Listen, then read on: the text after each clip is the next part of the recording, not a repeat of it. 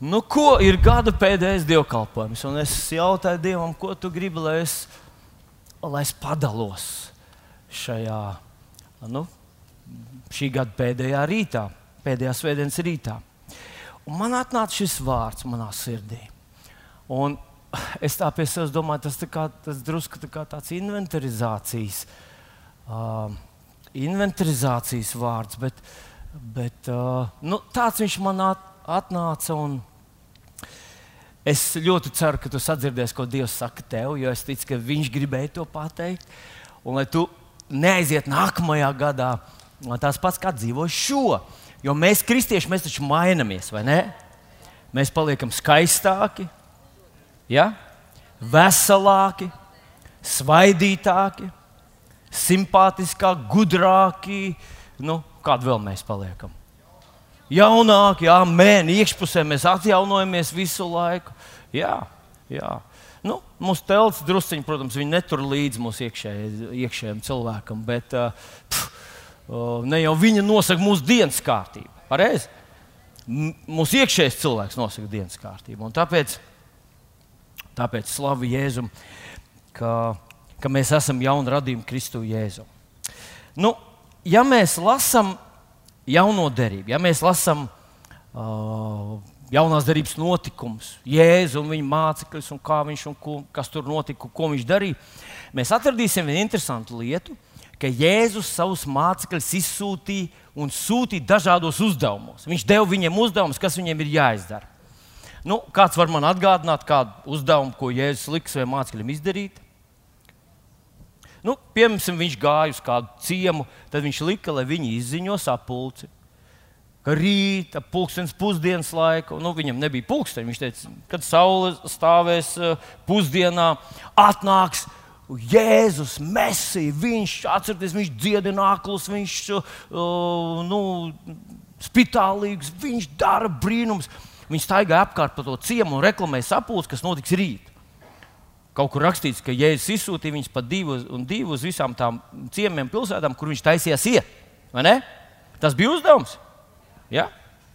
Tad vēl viņš uh, izsūtīja, piemēram, viņus uh, sarunāt vakariņus. Atcerieties, tas pēdējās vakariņas, ko mēs visi zinām, viņš aizsūtīja mācekļus, lai tie paņemtu tur un sarunātu tur tās, to tur. Un, um, un viņi aizgāja, viņi to izdarīja. Bet bija arī kādi uzdevumi, ko Jēzus mācekļi nevarēja izdarīt. Un zināt, ar ko, ar ko mēs atšķiramies no viņiem? Ka mēs ļoti viegli pieņemam savus neveiksmus. Mums nesanāca. Nākošais sanāks. Nes, nesanāks nākošais, mēs sakam, mēģināsim vēlreiz.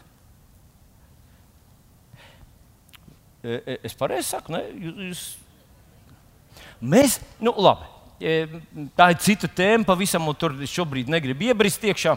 Tā ir pareizi. Tev nesnāca, uh, atcerieties, kā mēs mācījāmies braukt ar riteni, divu riteni, es domāju. Nu, kā mēs mācījāmies braukt? Es atceros, es uh, savu vecāko dēlu mācīju braukt, un mēs tad dzīvojām Bībeles skolā. dzīvojām, bijām Zviedrijā, mācījāmies Bībeles skolā, un mēs dabūjām riteni. Un es viņu uzsēdināju uz riteņa. Tu atceries Valčiņu? Ne? Droši vien neatceries.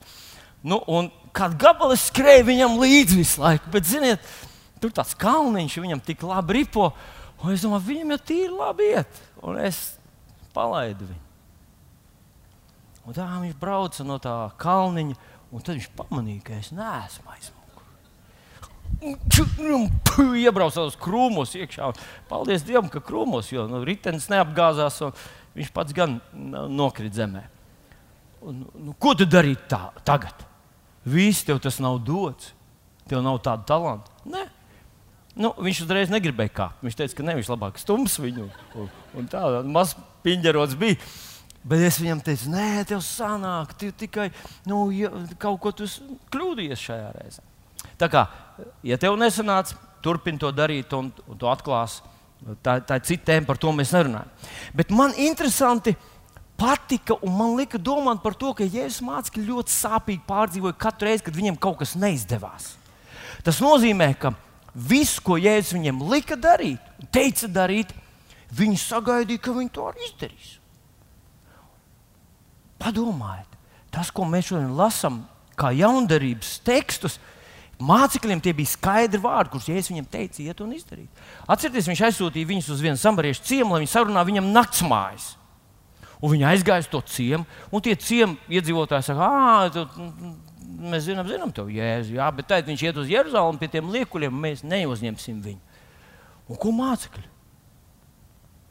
Viņi to tik ļoti pārdzīvoja, ka viņi teica, pats, lai uguns krīt un atcerieties to. Ja?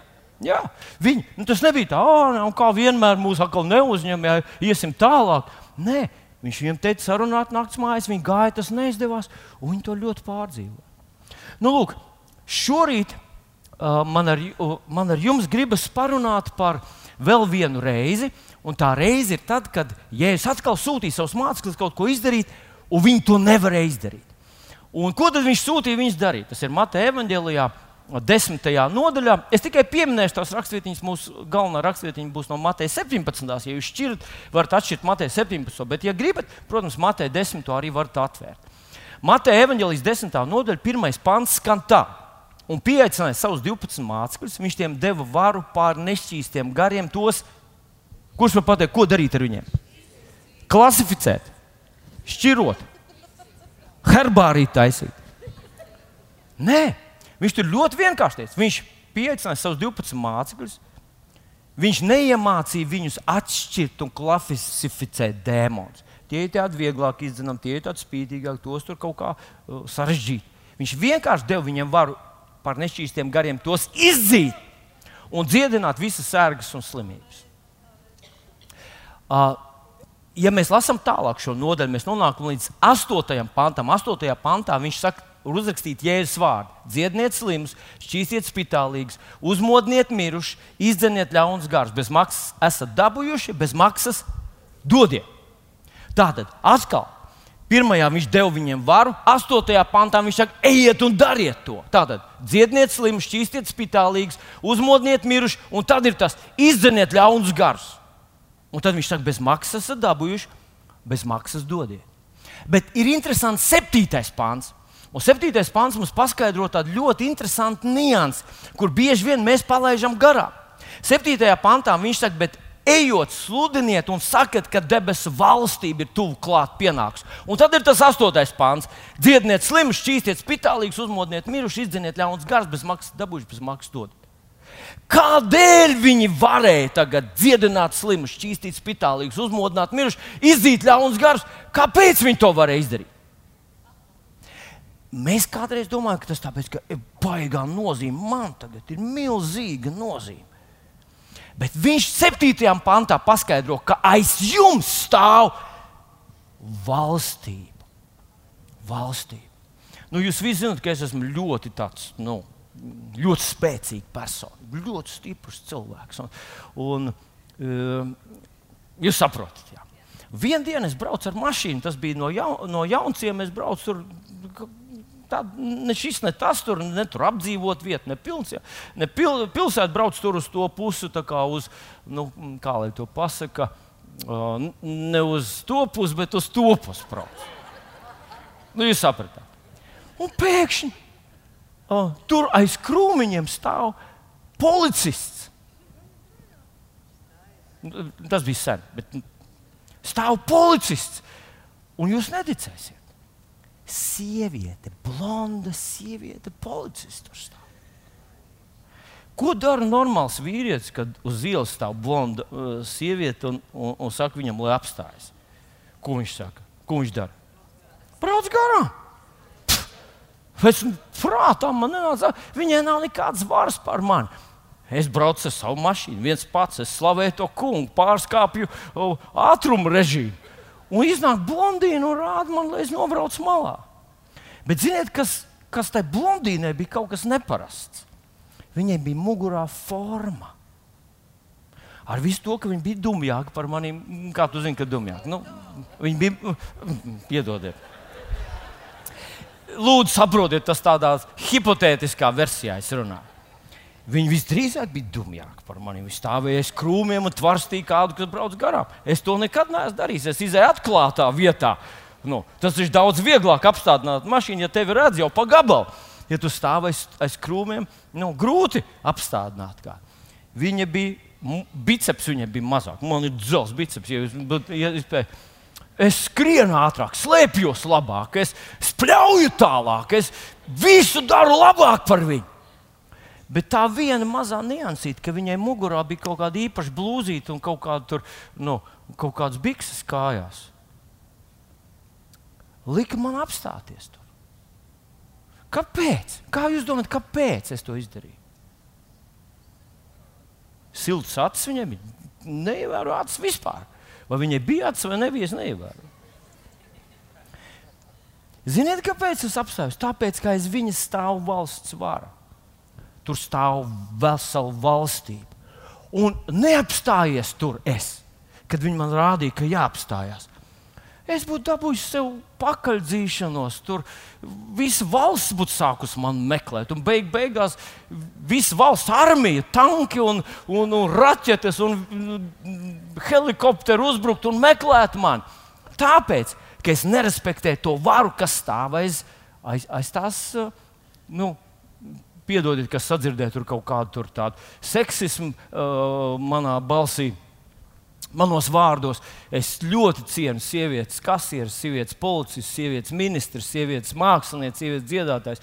Savu sievietes ļoti cienu, viņa ir ļoti gudra un sievietes ir ļoti gudras, lai Dievs dod mums tikt līdz viņam. Nu, es domāju, vīriem mums tikt līdz sievietēm.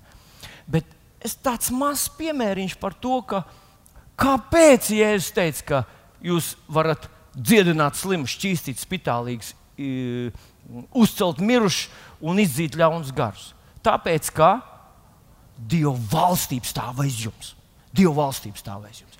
Nu, lūk, mācekļi ļoti pārdzīvoja, ka viņiem tas neizdevās. Reiz pie viņa atnāca viens tēvs, atnāca ar savu dēlu, un viņš tagad to dēlu tur atved pie mācekļiem. Mācekļi, tur rakstīts, kaut kur rakstīts, ka viņam bija mēms gars, kaut kur rakstīts, ka viņš bija viņam bija kaut kāds tur, nu, var sakot, viņam bija ļauns gars. Un viņi to nevar izdarīt. Un mācekļi tā vietā, lai vienkārši norīt un teikt, nu, skaidrs, nevar, skaidrs, nu, ka nevarējām. Viņi nāk pie Jēzus un prasa viņam, kāpēc mēs nevarējām viņu izdzīt. Un tad Jēzus atbild, un tieši tā Jēzus atbild Mateja Evanģelijā, 17. nodaļā, ir tas, par ko es gribu šodien ar jums runāt. Tātad Mateja Evanģelijas 17. nodaļa, 20. pāns. Un es lūdzu, parādiet viņu uz ekrāna, jo mēs nu, pievērsīsim vairāk uzmanības šim te uh, pantam. Un lūdzu, lūdzu nu, uh, pacentieties pasakot man līdzi. Tātad Jēzus viņam atbild. Mūsu revidētais teksts skan tā. Jēzus viņam saka, jū, kāpēc mēs to nevarējām izdzīt? Jēzus viņam vēl jūsu masticības dēļ. Jo patiesi es jums saku, ja jums ticība ir kā sinepju graudiņš, tad jūs sacīsiet šim kalnam pārcelties no šejienes uz turieni, un tas pārcelsies, un nekas jums nebūs neiespējams. Tā saka mūsu revidētais teksts. Tieši tāpat saka arī jaunais teksts, ka Jēzus atbild viņam jūsu mazās ticības dēļ. Jūs to nevarējāt izdarīt. Bet Ja jūs paņemsiet angļu bībelīti, un e, ļoti cienījams tulkojums ir karaļa jēkab, vai angļuiski mēs sakām King James tulkojums, tad tur ir uzrakstīti citi vārdi. Tur uzrakstīts, ka Jēzus viņam saka, jūsu neticības dēļ. Un tad tālāk, sakot, tas teiks, ja jums ticība ir kā sinepka, tātad jūsu neticības dēļ uh, jūs to nevarējāt izdzīt. Un tagad, mīļie draugi, es pa, palūdzu Andrim, Andrim Mikalniekam, kurš uh, arī studējis teoloģiju. Viņam ir, ja es pareizi atceros, viņam ir maģistra grāts teoloģijā. Un es pakonsultējos ar viņu, kā tas ir uzrakstīts grieķu tekstos. Un Andris man saka, tā ir divi veidi teksti. Vienos ir, uh, vienos ir kā jūs zinat, uh, ticība grieķu valodā ir pistis, un vienos tekstos ir oligopistian. Tātad mazā ticība. Ka daļa tekstu, pamattekstu grieķu valodā šajā vietā Jēzus saka, jūsu mazās ticības dēļ jūs to nevarējāt izdzīt. Nu, un nu, paskatieties uz pašu to pāntu. Jēzus tur tālāk viņš saka, ja jums ticība būtu kā sinepju graudiņš, tātad te man ir pudelītais sinepju sēkliņas, tie sinepju, sinepju graudiņi. Viņi ir tik maziņi, uh, kurš var pateikt, Ligu, cik man te ir sinepju sēkliņas šobrīd? Nu, u, u, ah, Olita, ah. Uh, kurš var? Uzlies brīli vēl, cik ir? Nē, nē, sē. Nu? Labi. Tie sinepju graudiņi ir tik maziņi, mēs izdarīsim eksperimentu, iztaisīsim eksperimentu. Es palaidīšu viņu šeit pa, pa, pa, pa rindām, un jūs lūdzu, es iedošu jums uh, trīs graudiņus. Ja? Trīs zinapes sēkliņas es ielikšu rokā. Trīs. Trīs. Un no saujas saujā padodiet uz priekšu. Nepievērsiet tikai visu uzmanību, centieties saklausīt, ko es saku.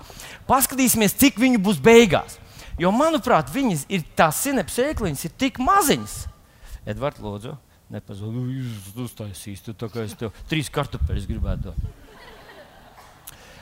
Viņas ir tik maziņas, tās sēkliņas, ka tu mierīgi varētu nemaz nejust, ka viņas ir pielipušas tev pie, pie plaukstas. Un tagad skatieties, ja Jēzus saka jūsu nelielās ticības dēļ, un tad tālāk viņš saka, jums ticība būtu kā tā mazā sēkliņa.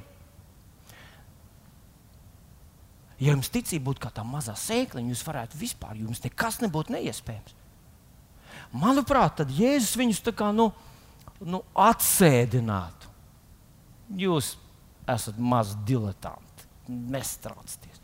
Bet jūs nekur neredzēsiet, ka Jēzus saviem mācekļiem saka, normāli, ka jums nesanāca. Skaidrs, jūs taču vēl esat. Nu, nu, Es atceros, kā man bija kādreiz tāds cilvēks, kurš man ieveda amatā. Viņš teica, tev vēl trīs gadu mākslīgos mēslos jāaug, lai tu sasniegtu nu, manu līmeni. Nu, tā kā tev vēl tik daudz jāmācās. Jēzus neko tādu nesaka. Viņš saka, ja jums būtu ticība kā tā mazā sēkliņa, jums nekas nebūtu neiespējams. Un manā izpratnē ir neloģiski, ka tas tika iztulkots, ka mazās ticības dēļ jūs to nevarējāt izdarīt. Un tad ir tie otru tekstu o, nu, o, saraksts, kurā ir lietots vārds apistian apistien. Kas ir apistien? Apisti, a ir nolieguma priedēklis. Un pistien, kā mēs zinām, ir ticība. Tā tad neticības dēļ. It kā Jēzus šeit saka, neticības dēļ.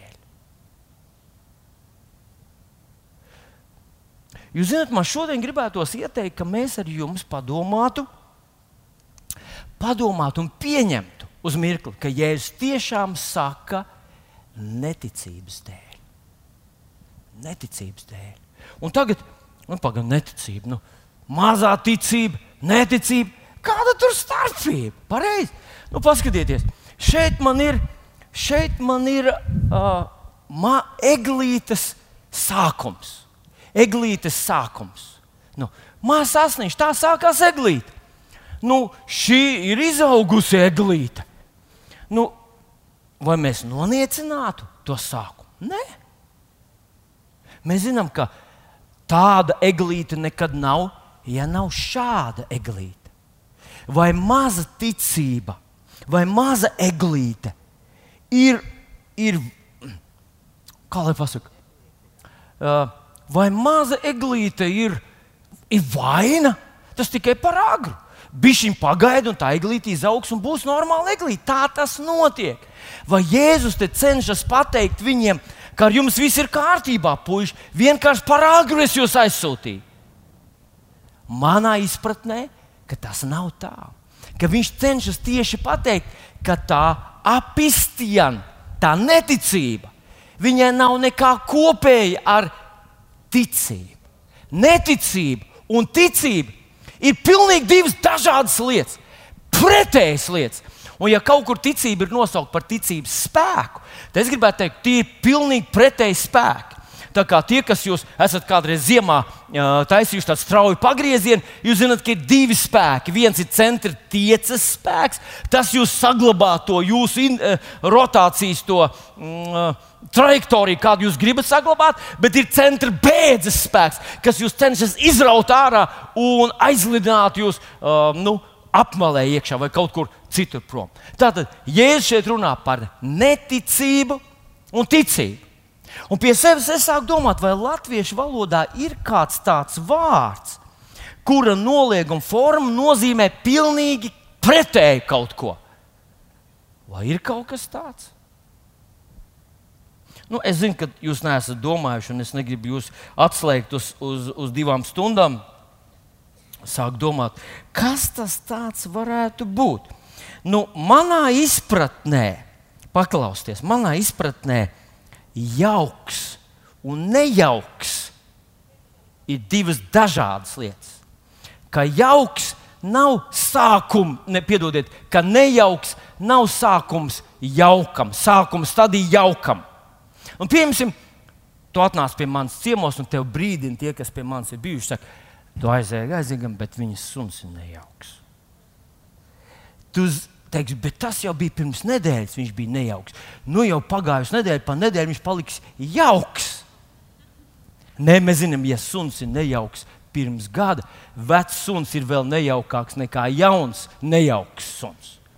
Jauks cilvēks un nejauks cilvēks ir divi dažādi cilvēki. Un nejauks cilvēks nav sākums tādam jaukam cilvēkam. Vai jūs man piekrītat tik tālu? Nu, tad es iedomājos, ir tāds spēks un nespēks. Nu, mēs visi esam kādreiz piedzīvojuši, ka tu kaut ko tur, kaut kas notiek, un atnāk tāds spēks, un tu kā celies, un tā kā ej un izdari to, ko tu domāji, ka nevarēsi izdarīt. Un tad ir normāls dienas, kad nu, tā normāli tu dzīvo. Bet tad ir tāds dienas, kad at, tu saki, man atnāca tāds nespēks. Ir pats lietu rūkti tie, kas ir piedzīvojuši savā dzīvē nespēku. Oh, Jā, kaut kas vēdā sagriežās, un uzreiz ir nespēks. Kājas trīca, un tu vairs neko nevari izdarīt. Spēks un nespēks ir divas pilnīgi dažādas lietas. Nespēks nav pirmā stadija no spēka. Un tieši tas ir tas, ko šodien es gribētu runāt ar jums, un es gribētu nedaudz ilustrēt to, mīļie draugi. Un es palūkšu, lai man atnest neticību. Neticība ir kaut kas tāds, kas mums visiem ir. Jūs piedodiet, varbūt man nav pārāk iztēle, bagāta, un tāpēc es mēģināšu neticību ilustrēt kā, kā tādu lielu, vecu somu. Palīdz man uz, uz,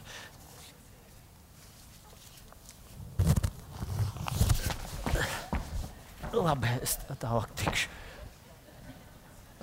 Tā mēs lēnām pa dzīvi savācamies nu, sev bagāžu.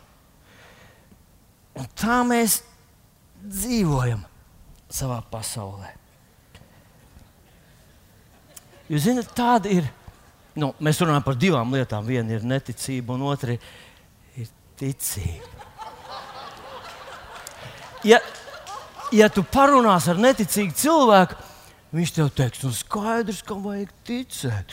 Vajag ticēt visam gaišajam, labajam, vajag sev ticēt. Vajag ticēt, ka tev izdosies, ka nākošais cūkas gads būs rīktīgs cūkas gads. Vai ne? Nu. Es tāpēc ticību tur augstu, virs galvas. Ticība ir svarīga lieta. To pateiks jums nu, visi cilvēki. Vilni, vai tu centies noniecināt to cilvēcīgo ticību? Manuprāt, tā ir ļoti svarīga dāvana, kur Dievs mums ir devis. Un īsnībā viņa ir tā, kas mums paver ceļu uz, uz dievišķo ticību. Bet šeit Jēzus nerunā par mūsu cilvēcīgo ticību, un tāpēc mēs viņu noliksim, noliksim malā. Ziniet, par ko Jēzus runā? Tie, kas esat kādreiz lasījuši uh, Pē, apsolīt Pētera otro vēstuli. Apsolīt Pētera otrajā vēstulē ir uzrakstīti tādi vārdi. Apstults Pēters, uh, Kunga Jēzus Kristus apustulis sūta šo vēstuli visiem tiem, un tad ieklausies. Tātad otrā Pētera vēstule, pirmā nodaļa, pirmais pāns, kas ar mūsu Kunga Jēzus Kristus taisnību ir dabūjuši to pašu dārgo ticību kā mēs. Viņš saka, ka mēs ieguvām pilnīgi jaunu ticības veidu, kad mēs pieņemam Jēzu par savu kungu. tā mums atnāca no debesīm. Tā ticība ir dievišķa ticība. Mums tās nekad agrāk nav bijis. Un viņš te runā, ja jums ir ticība, kā sinepju graudiņš, tad tas sinepju graudiņš, paskatieties tālāk, ko viņš saka. Jums nekas nebūs neiespējams ar ticību, kur jūs ieguvāt tad, kad pieņēmāt jēzu par savu kungu. Tātad tā ir ticība, kas mūs velk uz augšu. Ticība mūs velk uz augšu. Bet mums ir arī neticība, kas mūs velk uz leju. Un, mīļie draugi, varbūt es atļaušu pagaidām ticībai uh, atpūsties. Es gribu šodien runāt. Pirmais mans punkts būs, es gribētu runāt par neticību. Un es, protams, gribētu runāt par tavu un manu neticību. neticību. Mēs nemaz nejūtam, ka mums ir kaut kāda nasta uz muguras. Piedodiet, novilkšu savu, savu pasaules pilsoņu cepuri. Mēs nemaz to nejūtam, ka mums ir kaut kāda nasta uz muguras. Mēs esam pieraduši ar viņu dzīvot.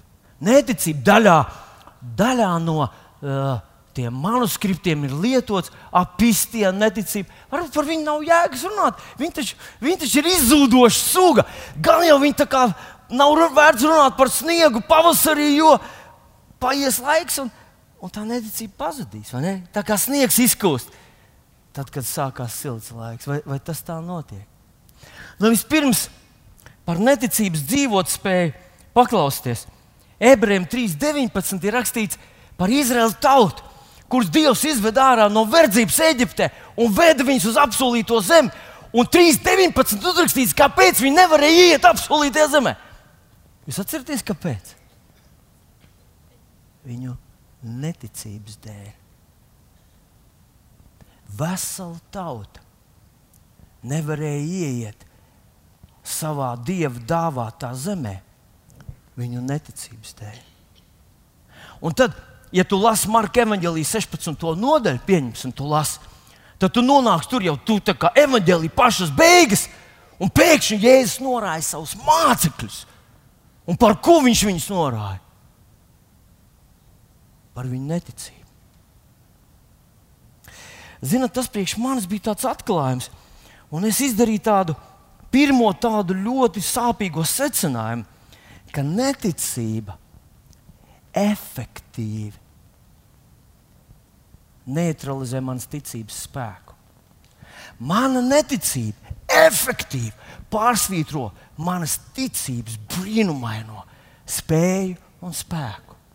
40 40 gadus cilvēki gāja uz apsolīto zemi, un viņi neiegāja apsolītajā zemē. Neticības dēļ. Neticība spēja veselu tautu apturēt no viņu apsolījuma saņemšanas. Neticība spēja mācekļus, mācekļiem atņemt spēku, kur pats Dieva dēls viņus sūtīja, izdīt visus dēmonus. Viņi nevarēja to izdarīt. Un Jēzus saka, jūsu apistieni, jūsu neticības dēļ. Neticība ļoti efektīvi samazina manas ticības spēku. Un kas tad neticība pēc būtības ir? Neticība ir mana dzīves pieredze, piesardzība. Brīžiem man liekas, ka tā ir mana saprāta balss. Ziniet, nu tad, kad, tad, kad kāds iznāk runāt par ziedošanu, par sēšanu, Nu, vai tev nav bijis tā, ka tu saņem algu un prēmiju un vēl kaut ko, un vēl tev kāds kaut ko uzdāvina, un nu beidzot tu saki, halleluja! Un tad atceries, tev paliek augsts mugurs, ka jādod desmitais. Un tad neticība. Tev liekas, tā ir vienīgā loģiskā pašsaglabāšanās instinkts. Tev saka,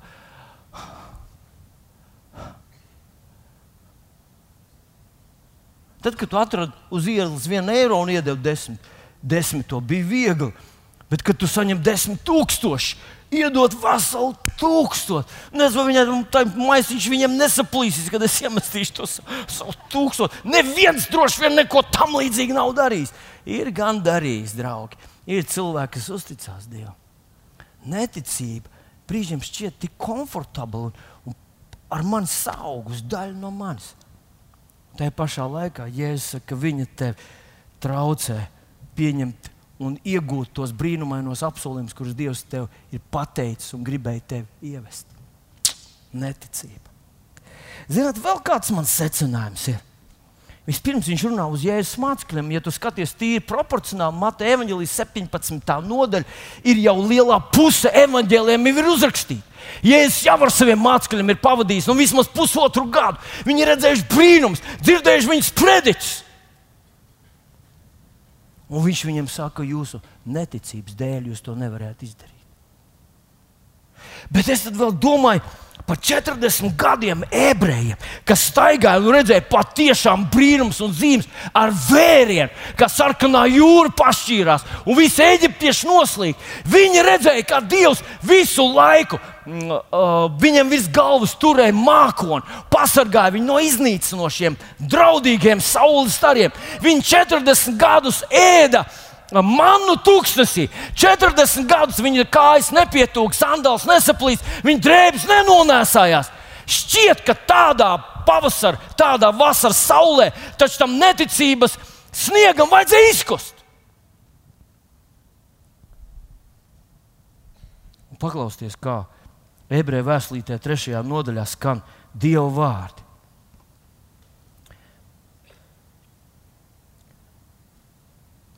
Jūs tēvi man kārdinājuši, pārbaudīdami. Viņi visu laiku pārbaudīja vēlreiz, vai tas ir droši. Vai tiešām viņam var uzticēties? Cilvēks ar 40 gadu ticības stāžu, cilvēks, kurš Dievs izved ārā no Eģiptes zemes, cilvēks, kas bija vergi un nu iet brīvi, iet uz savām mājām, apģērbt eģiptiešu labākajās drēbēs. Pēc 40 ticības gadiem neticība nav pati iz, iz, izkūpējusi. Un tad es izdarīju tādu secinājumu, ka pati viņa neizzūd. Viņu vajag izzudināt. Ir kaut kā pret viņu jāvēršas. Tas tieši tāpat kā ar, ar netīrumiem. Jūs taču visi zinat, ka netīrumi paši no sevis nepazudīs. Sāksies jaunais gads, jaunas, jaunas lietas, halleluja! Un tu domā, 1. janvārī atvērs savus pieliekamos, viss tur būs kārtībā, viss būs skaists un tīrs un, un, un, un kārtīgs. Nē, ar netīrumiem ir jācīnās, jācīnās agresīvi, ir jācīnās regulāri. Tad viņi neietekmēs tavu dzīvi. Ja nē, neticība ir līdzīga pati tā neizzūd. Un tad vēl man ir trešais secinājums par neticību. Atcerieties, pirmais bija, viņi ļoti efektīvi. Neticība ir ļoti efektīva. Viņi neutralizē tavas ticības spēku. Otrais, pati tā neizzudīs. Tu nevari izlikties, ka viņu ne, viņas nav, un gan jau viņa pati par sevi kaut kā pazudīs un nomirs. Nē, viņa neizzudīs pati. Un trešais, Es to izsacināju, lasot ebreju vēstuli līdz trešo nodaļu. Tur to trešo nodaļu vispār jūs varat palasīt. Tur var daudz ko iemācīties par šo neticību. Un viņš saka, tā, pielūkojiet, brāļi, ka kādā no jums nebūtu neticības ļaunās sirds, atkāpjoties no dzīvā dieva.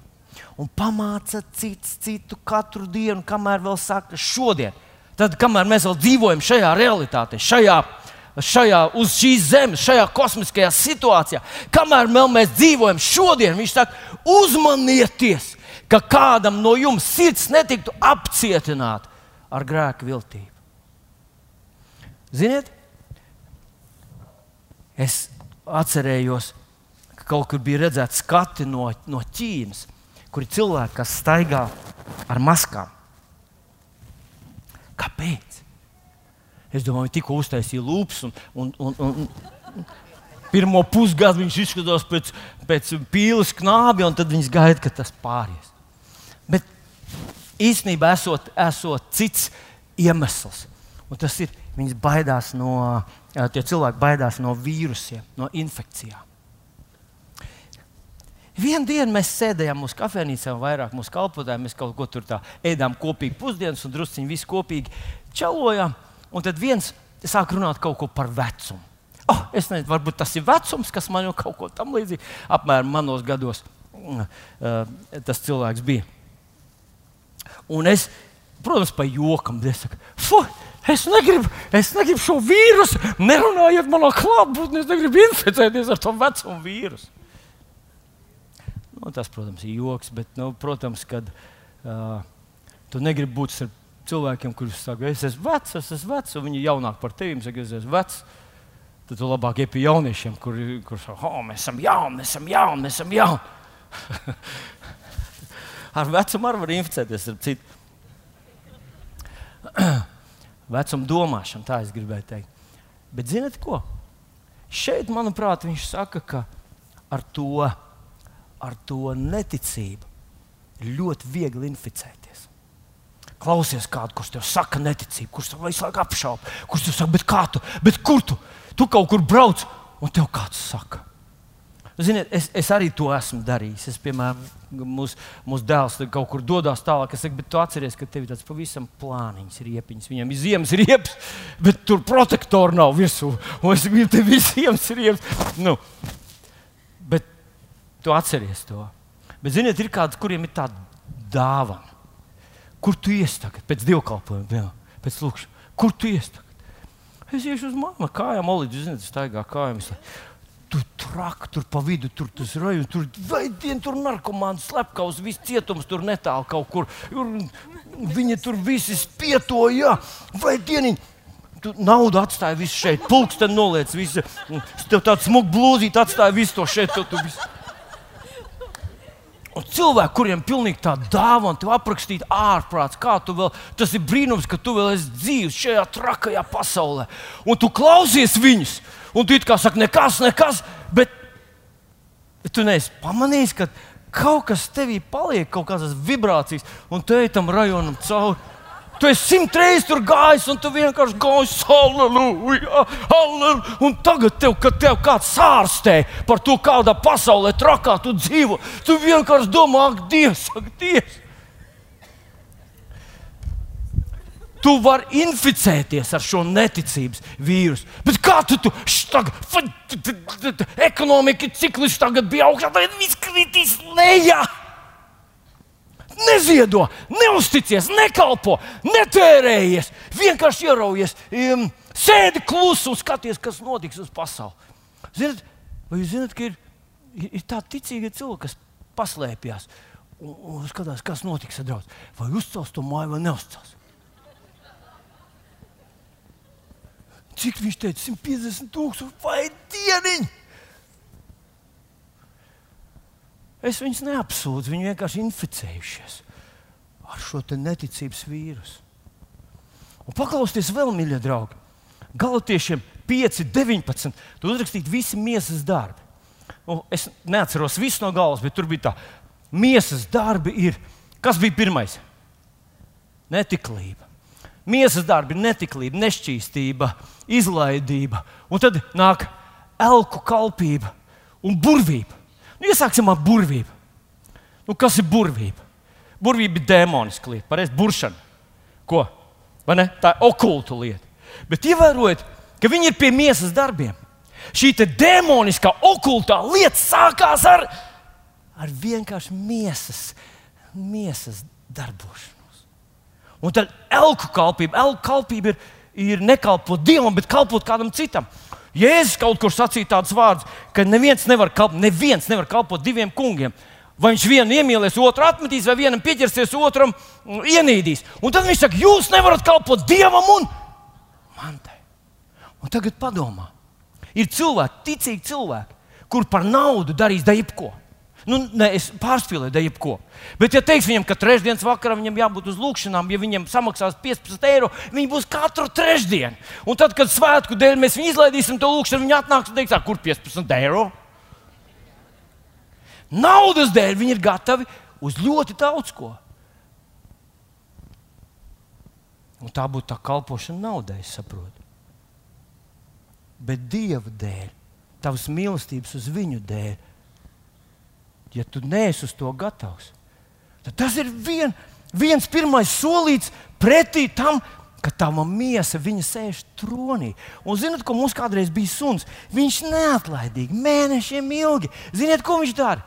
Viņš visu laiku cenšas tajā hierarhijā, ģimenes hierarhijā parāpties uz augšu. Izrāda kaut kādu vājumu, un nākamā reizē tu jau redzi, ka viņš tevi nerespektē vairs. Viņš jau saprot, ka tu esi apakšā. Vakar tu biji augšā, bet šodien viņš ir izcīnījis savu vietu, un viņš cīnīsies par to. Un tieši tāda pati ir tava miesa. Viņa var izlikties, jā, jā, jā, jā. bet viņi izmantos mazāko iespēju, lai paliktos un hierarhijā pakāptos augstāk. Un, ja tu nekā nereaģēsi, viņi pakāpsies vēl augstāk. Līdz viņi sēdēs blakus tam kungam uz troņa un teiks viņam, nē, nu, bet tev taču sev vajag glabāt. Tev neviens par tevi nerūpēsies, ja tu par sevi nerūpēsies. Un tas ir pilnīgi pretēji tam, ko Jēkabs raksta. Piedod, tas Pēters, kurš saka, ka mēs visu savu zudīšanos metam uz viņu, jo Viņš ko dara? Vienaldzīgs, ja? Viņš jūs izspiež. Ne viņš jūs izmanto.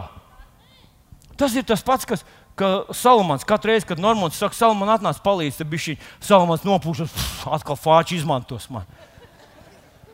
Viņš vienmēr tāda, un viņš zina, ka Normons tikai cenšas izspiest no tā Salamana. Salamans apliecina, ka es pareizi saku. Jā.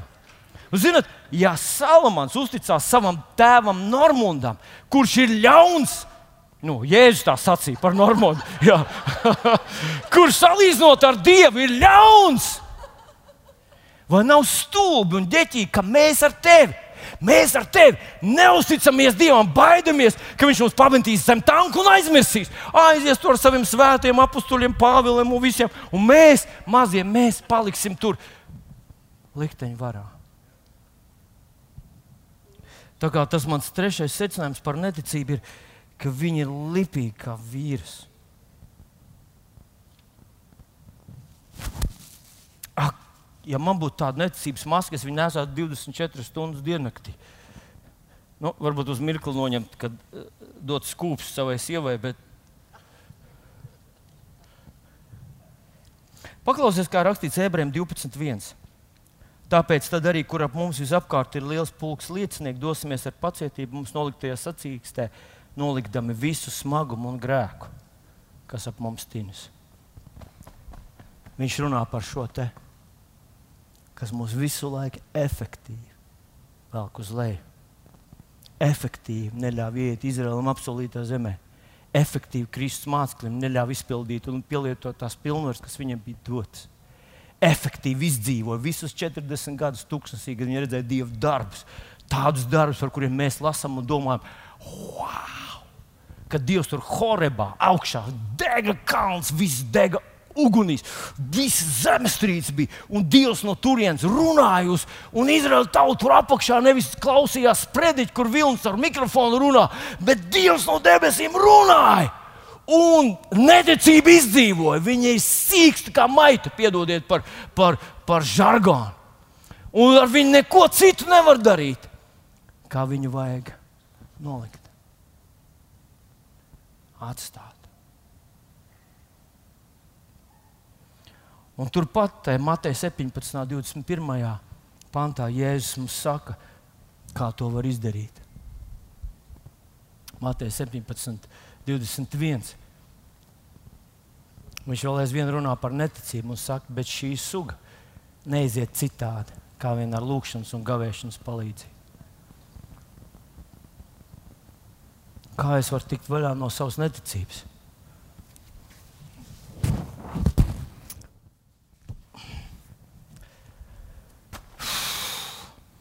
Ja es saku, to nevar, no tās nevar tikt vaļā savādāk kā vien ar lūkšanu un gavēšanu. Paklausieties, mīļie draugi, tā nav apsūdzība, bet es gribētu, ka jūs arī padomātu par sevi.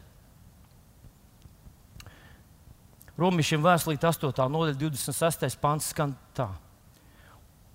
Bez tam arī, uh, bez tam arī gars nāk palīdzīgā mūsu nespēkam, jo mēs nezinām, ko mums būs lūgt un kā, bet pats gars aizlūdz par mums ar bezvārdu nopūtām. Un tas, kas izpētīs sirdi, saprot, ko gars grib, jo tas ar dievišķiem vārdiem nāk palīdzīgā svētajiem. Paklausieties, kas tur bija teikts. Bija teikts, kad mēs nezinām, ko mums būs lūgt un kā. Svētais gars mums nāk palīdzīgā. Vai nav tā, ka vidusmēra kristietis zina, ko lūgt un zina, kā lūgt, bet nelūdz? Ka vidusmēra kristietis viņš pielūdz Dievu pirms pusdienām, saliek rokas kopā. Tēvreiz noskaidrot, varbūt vēl kaut kad viņš nu, izsaka savus lūgšanas vārdus un domā, ka viņš dzīvo aktīvu kristiešu ticības dzīvi. Halleluja! Bet tur ir teikts, pat tad, kad tu nezini, ko lūgt un kā lūgt, Tad svētais gars tev nāk palīdzīgā. Kad tu esi izlūdzis visu, ko tu zini, kā lūgt, un zini, ko lūgt. Tu to visu esi izlūdzis, un kad tev vairs nav ko lūgt, tad tu vēl aizvien lūdz. Tad tu vari cerēt, ka tavu neticību bija divas drusciņas. Bet, ja tavs lūkšanas dzīve ir tāda pavisam, pavisam tāda, nu, es matiem varu pievilkt, ka tu esi baigais ticības cilvēks. Un tad padomā vēl vienu lietiņu. Tu esi Dievs, tev atvedis uz šo draugu, prieku vēst. Tas ir Dievs. Dievs ieliek cilvēku draudzē. Tā ir Bībelē uzrakstīts. Dievs tev ieliek. Nevis vienkārši, lai tu te pasīvi paklausies, atzīmējies kaut kur, ka tu esi bijis. Halleluja! Jā, es arī esmu ar no tās un tās draudzes un tā tālāk. Bet šajā draudzē, kurā Dievs tev ir ielicis, ir trešdienas vakara lūkšanas. Vai tu esi pārliecināts, ka tev tur nav jābūt? Tu esi drošs, ka viss ir labi, ka tu tur nesi. Lai jau viņi tur jau ir tie, kas pensionāri un, un studenti. Ko tu dari tik efektīvi tajā trešdienas vakarā? Ka tu vispār nezini, ka tāds lūkšanas ir draudzē trešdienās. Kas ir tas dzīvībai, mūžībai, tev tik ļoti nozīmīgais? Ko tu dari? Man, man vispār pietrūkst vakar nedēļā. Es arī esmu viens no tiem, kuriem pietrūkst vakar nedēļā. Bet es saprotu, ka tas ir tas minimums.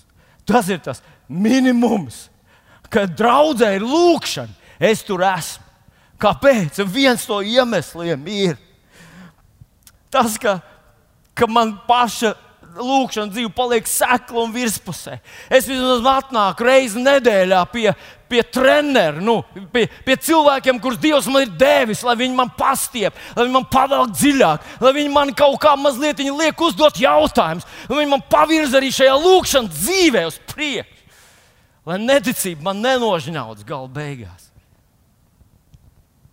Un tad, protams, gavēšana. Ievērot, ka ir rakstīts gavēšana, nevis badošanās, nevis nevis sagatavošanās bikīni sezonai, nevis, nevis eh, svāra vērotāju aktivitātes.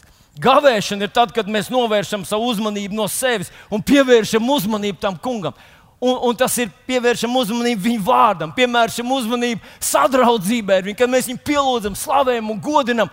Un nav brutālāk veida, kā atsēdināt miesu, kā pateikt viņai, ka šīs trīs dienas mēs gribam fokusēties uz to kungu.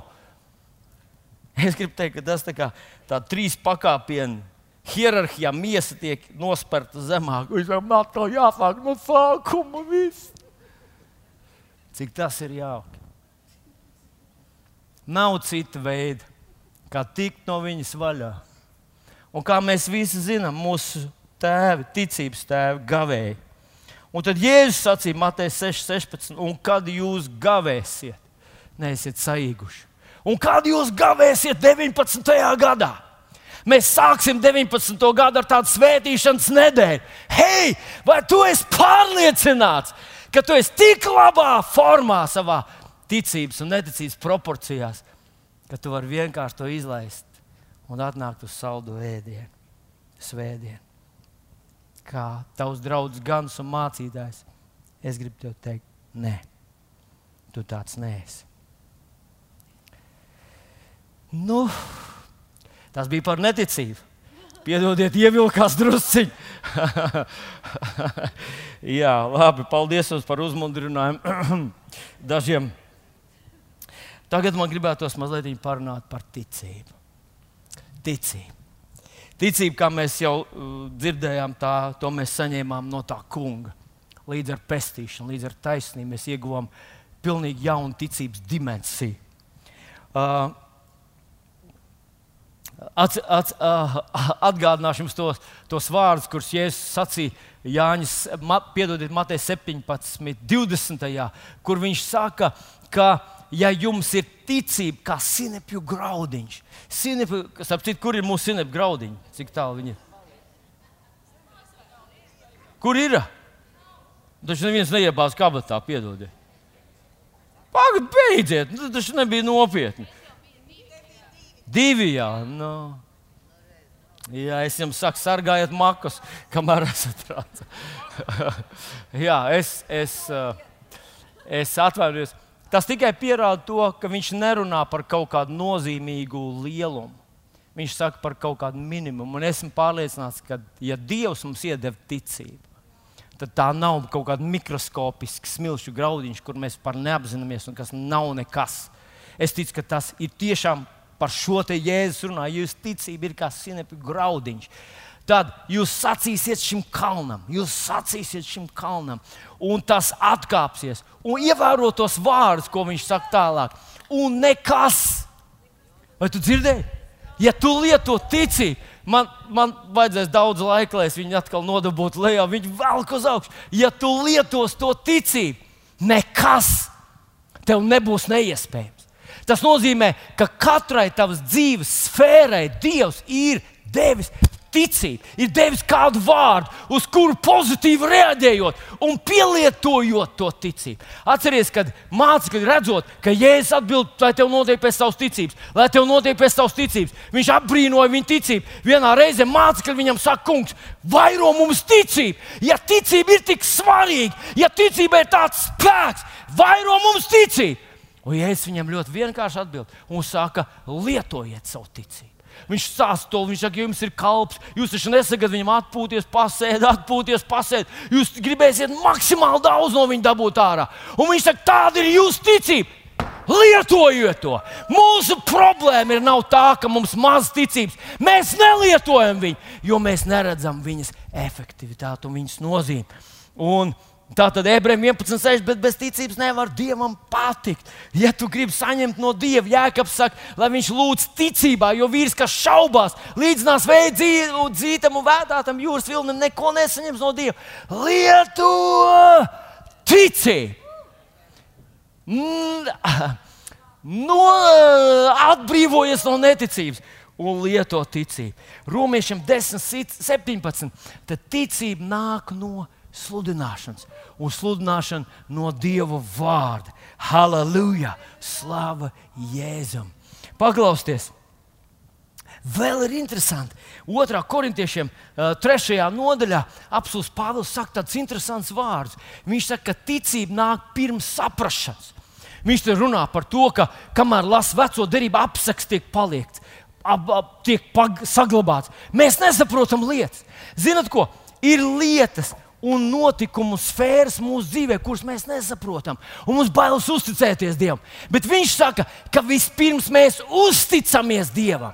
Un tāda apsaks tiek noņemta, tad mēs saprotam. Ebrejiem 11,6 saka, jo ticībā mēs saprotam. Mēs nevaram saprast, kā jārīkojas, un ko jādara, un kā Dievs mūs vadīs. Un nevaram saprast, kā mums rīkoties tajā situācijā. Pirms mēs neesam uzticējušies Dievam, ticība nāk pirms saprašanas. Un tāpēc tie, kas jūs esat milzīgie prāti cilvēki, jums jāzina, ka mēs vispirms ticam ar sirdi. Un pēc tam mēs saprotam, saprotam, kā, saprotam, ko, saprotam, kādā veidā, saprotam, kurš virziens un tā tālāk. Mums ir jāuzticas Dievam. Bez ticības mēs to nevaram iegūt. Tad 1. pētera 1,7. jūsu pārbaudītā ticība ir vērtīgākā nekā iznīcīgais zelts. Jūsu ticība ir tava ticība, ir lielākā vērtība, kas tev ir. Tava izglītība, tavu ietaupījumu, tavu resursu nav nekas salīdzināms ar to ticības spēku, kas tev ir. Un tā vietā, lai tu mājās sēdētu bez darba, vienkārši nosis savu laiku, vienkārši blēmstu zilajā ekrānā, vienkārši piecelies un sāc lietot ticību, runā Dieva apsolījumus, pateicies par viņiem, runā Dieva apsolījumus, pateicies par viņiem. Tam būs rezultāts. Un es nobeigšu ar šo 2. korintiešiem 5, 7, jo mēs dzīvojam ticībā un neskatīšanā. Kad tu sāc dzīvot, kad tu ietekmē procesu, kad tu ietekmē savu zemi, kad tu ietekmē visu to, kas notiek mūsu zemē, kad tu ietekmē to, kas notiek draudzē, tad, kad tu sāc ticībā rīkoties, ticībā darīt. Halleluja! Mīļie brāļi māsas! Ar to es arī nobeigšu šodien. Un, un es nosaucu šo dievkalpojumu, pieķeries vienai un atmet otru. Tā, kurai jāpieķeras, ir ticība. Un atmest otru ir, ir nu, tā ir tā neticība, kuru nu, izmanto tās izdevības, kas ir draudzē. Es ticu, ka, ka Dievs mūs vada un mēs jautājam Dievam, kā un ko. Un kad Viņš mums liek uz sirds svētīšanās mēnesi, varbūt tas nesakrīt ar taviem plāniem, un tu taisni tajā reizē gribēji pārēsties un, un, un tā tālāk. Nu, es pārspīlēju, protams. Bet pieņem to, ka Dievs ved mūsu draugus. Tas ir viens no mūsu ticības pamatiem. Mēs uzticamies, ka Viņš ved mūsu draugus, ka Viņš mums īstajā laikā, īstās lietas piedalās visā tajā un izdara to no visas sirsnības. Bet es nobeigšu ar vienu mazu liecību, un, un es centīšos izstāstīt to īsi. Tas bija vēl iepriekš šajā gadā. Vasarā, kaut kur vasaras otrā pusē, mēs ar brāļiem aizbraucām uz, uz mototrasīti pabraukāties. Un, un es esmu no, no visas tās kompānijas tāds vispieredzējušākais. Man ir vis, pasē visvecākā bilde un tā tālāk. Cipari man ir vislielākie. Viņiem visiem mocīši ir maziņi un, un pieredzes nav nekādas. No Vārtskot aizbrauc ar puikām pabraukāties. Un, ziniet, kādreiz man arī tāds neliels puika ir, un es saku uz krastiņam, reku Jānis Krastīņš saka, vai braucam abi divi kopā. Es neatceros, toreiz Uldīņš bija, bet uh, kādreiz mēs ar Ulu esam. Tā kā mēs braucam kopā tur visu, un tad par tramplīnu lecam abi divi, nu tā blakus. Un tas, tas tāds, nu, tas, tas tāds, tu kā turies līdzi, viņš turās tev līdzi, viņš drusku piebremzē, lai tu nepaliec aizmugurē. Tā, nu, varbūt tāds, tāds tandēms. Nu, lūk, mēs ar krasniņu braucam, un tur uz vienu es negribu atpalikt no viņa, un, un, un tā. Un tad tramplīns mēs abi uzlecam. Un vienīgais, ko es atceros, atceros, ka es, es varu uzlikt, nu, zinu, no kurienes, bet es nezinu, kur es nu, piezemēšos. Vēl, nu, to es vēl neesmu apgūlis. Un, un es skatos, skatos, ka es piezemējos ārpus, ārpus tās trasītes. Un, un vienīgais, ko es atceros, kā es pies, nosēdos tur un gaidīju, ka es nosēdos. Un tad, ah, viss labi, jā, viss ir, oh, viss vietā, un tad braucam tālāk. Tas ir nepareizi. Bet, nu, labi. Tas ir vienīgais, ko es atceros. Un tad es atģistos, ka es sēžu malā pie busa un neko neatceros. Kā mums bija tas brauciens? Kas, kas nu?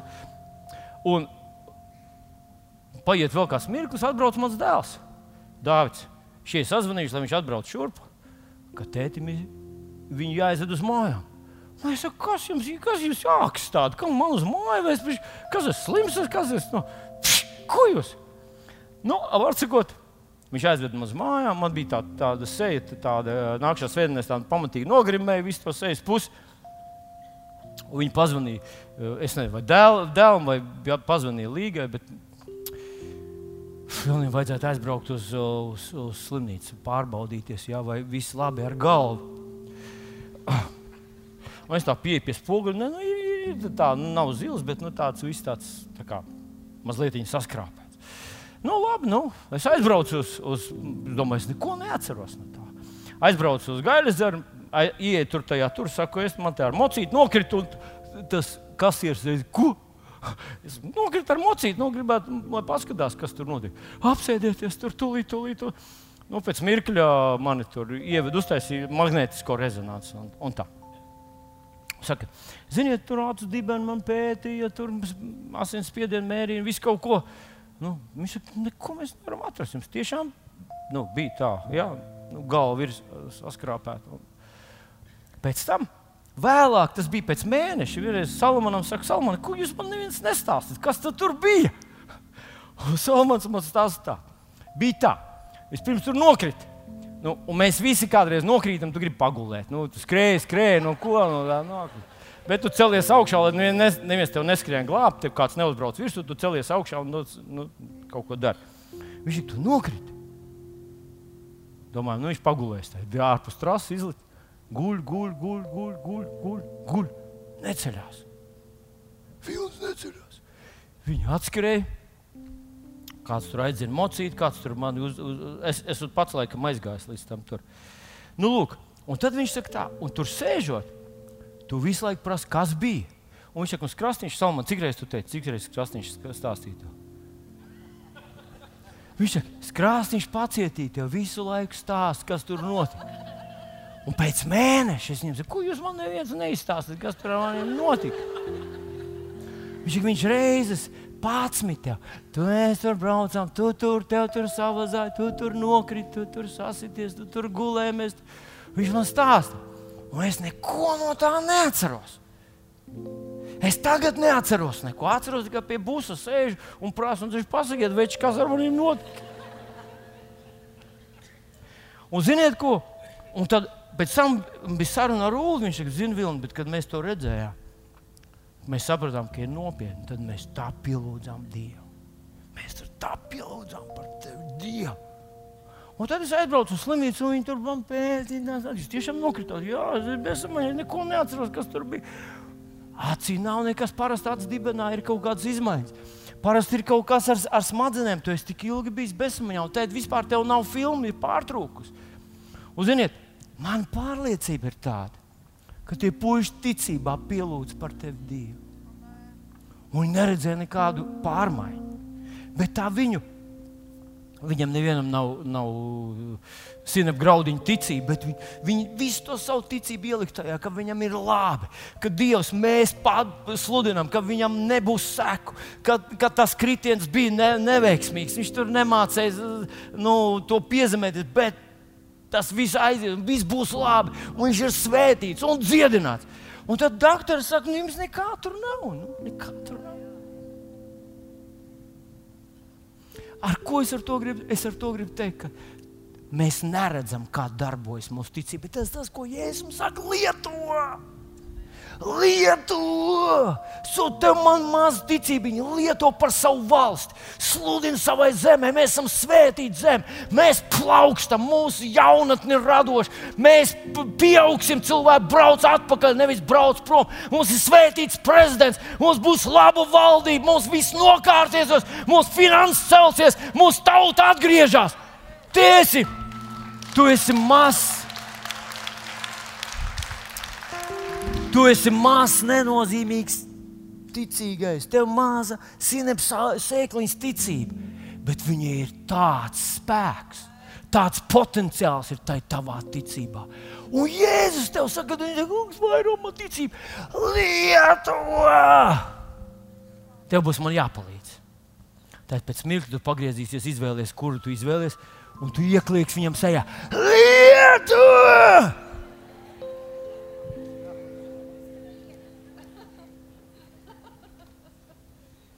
Halleluja! Piecelsimies kājās. Debes Tēvs, mēs Tev pateicamies par šo gadu. Mēs pateicamies, ka mēs esam draugi, kas aug. Mēs esam draugi, kas iet no spēka uz spēku, no svētuma uz svētumu. Mēs esam draugi, kuriem katram, katram ir Dieva dota ticība un mēs to lietojam par savu draugu, mēs to lietojam par sevi pašiem, mēs to lietojam par savu zemi. Mēs esam jauni, pozitīvi pārmaiņu priekšā, mēs esam jauns, radošs izaugsmas priekšvakarā, mēs esam jauns atmodas uh, uh, sākumā. Mēs redzēsim, kā mūsu tauta atgriežas. Mēs redzēsim, kā mēs uzplaukstam. Mēs redzēsim, kā Dieva spēks izdara to, kas cilvēkiem ir neiespējams un mēs ejam no spožuma uz spožumu, no ticības uz ticību. Pasaka līdzi ar maniem, saka, Kungs, paldies tev par ticību. Jēzus vārdā. Es pateicos par ticību. Es to lietošu. Es zinu, man ticība darbojas. Es zinu, man ticība darbojas. Jo no Dieva es to saņēmu. Paldies, Tev, debes Tēvs. Paldies Tev par mani pašu, ka es pieaugšu savā garīgumā, es pieaugšu savā dedzīgumā, es eju no ticības uz ticību, no spēka uz spēku, no mīlestības uz mīlestību. Es uzdrošinos uzticēties savam Dievam, un es nobadināšu to neticību. Jēzus vārdā. Un es pateicos par draugu. Mēs ejam no spēka uz spēku mēs uzcelsim to māju, un mēs lietosim tās telpas efektīvi. Mēs lietosim tās par svētību. Mēs esam liela tauta, un mēs esam Dieva svētīti cilvēki. Paldies, Tev, debes Tēvs! Un mēs dzīvojam zemē, kas ir svētīta. Saka, man zeme ir svētīta. Mūsu prezidents ir svētīts. Mūsu ministru kabinets ir svētīts. Mūsu parlaments ir svētīts. Mūsu likumi darbojas. Mēs dzīvojam ekonomiskās un garīgās izaugsmas priekšvakarā. Halleluja! Un es lietošu savu ticību par savu zemi. Jēzus vārdā. Pacel savus rokas uz debesīm. Debes Tēvs, paldies Tev! Paldies Tev, Tēvs! Paldies Tev, Jēzus vārdā! Paldies Tev par ticību! Aleluja! Lebrahatiki! Tu teici, ka jums nekas nebūs neiespējams. Tēvs, mēs to pieņemam. Šo pārdabīgo, dieva doto spēju atnest dievu lietas. Kungs, paldies tev, paldies tev par šīm tavām lietām.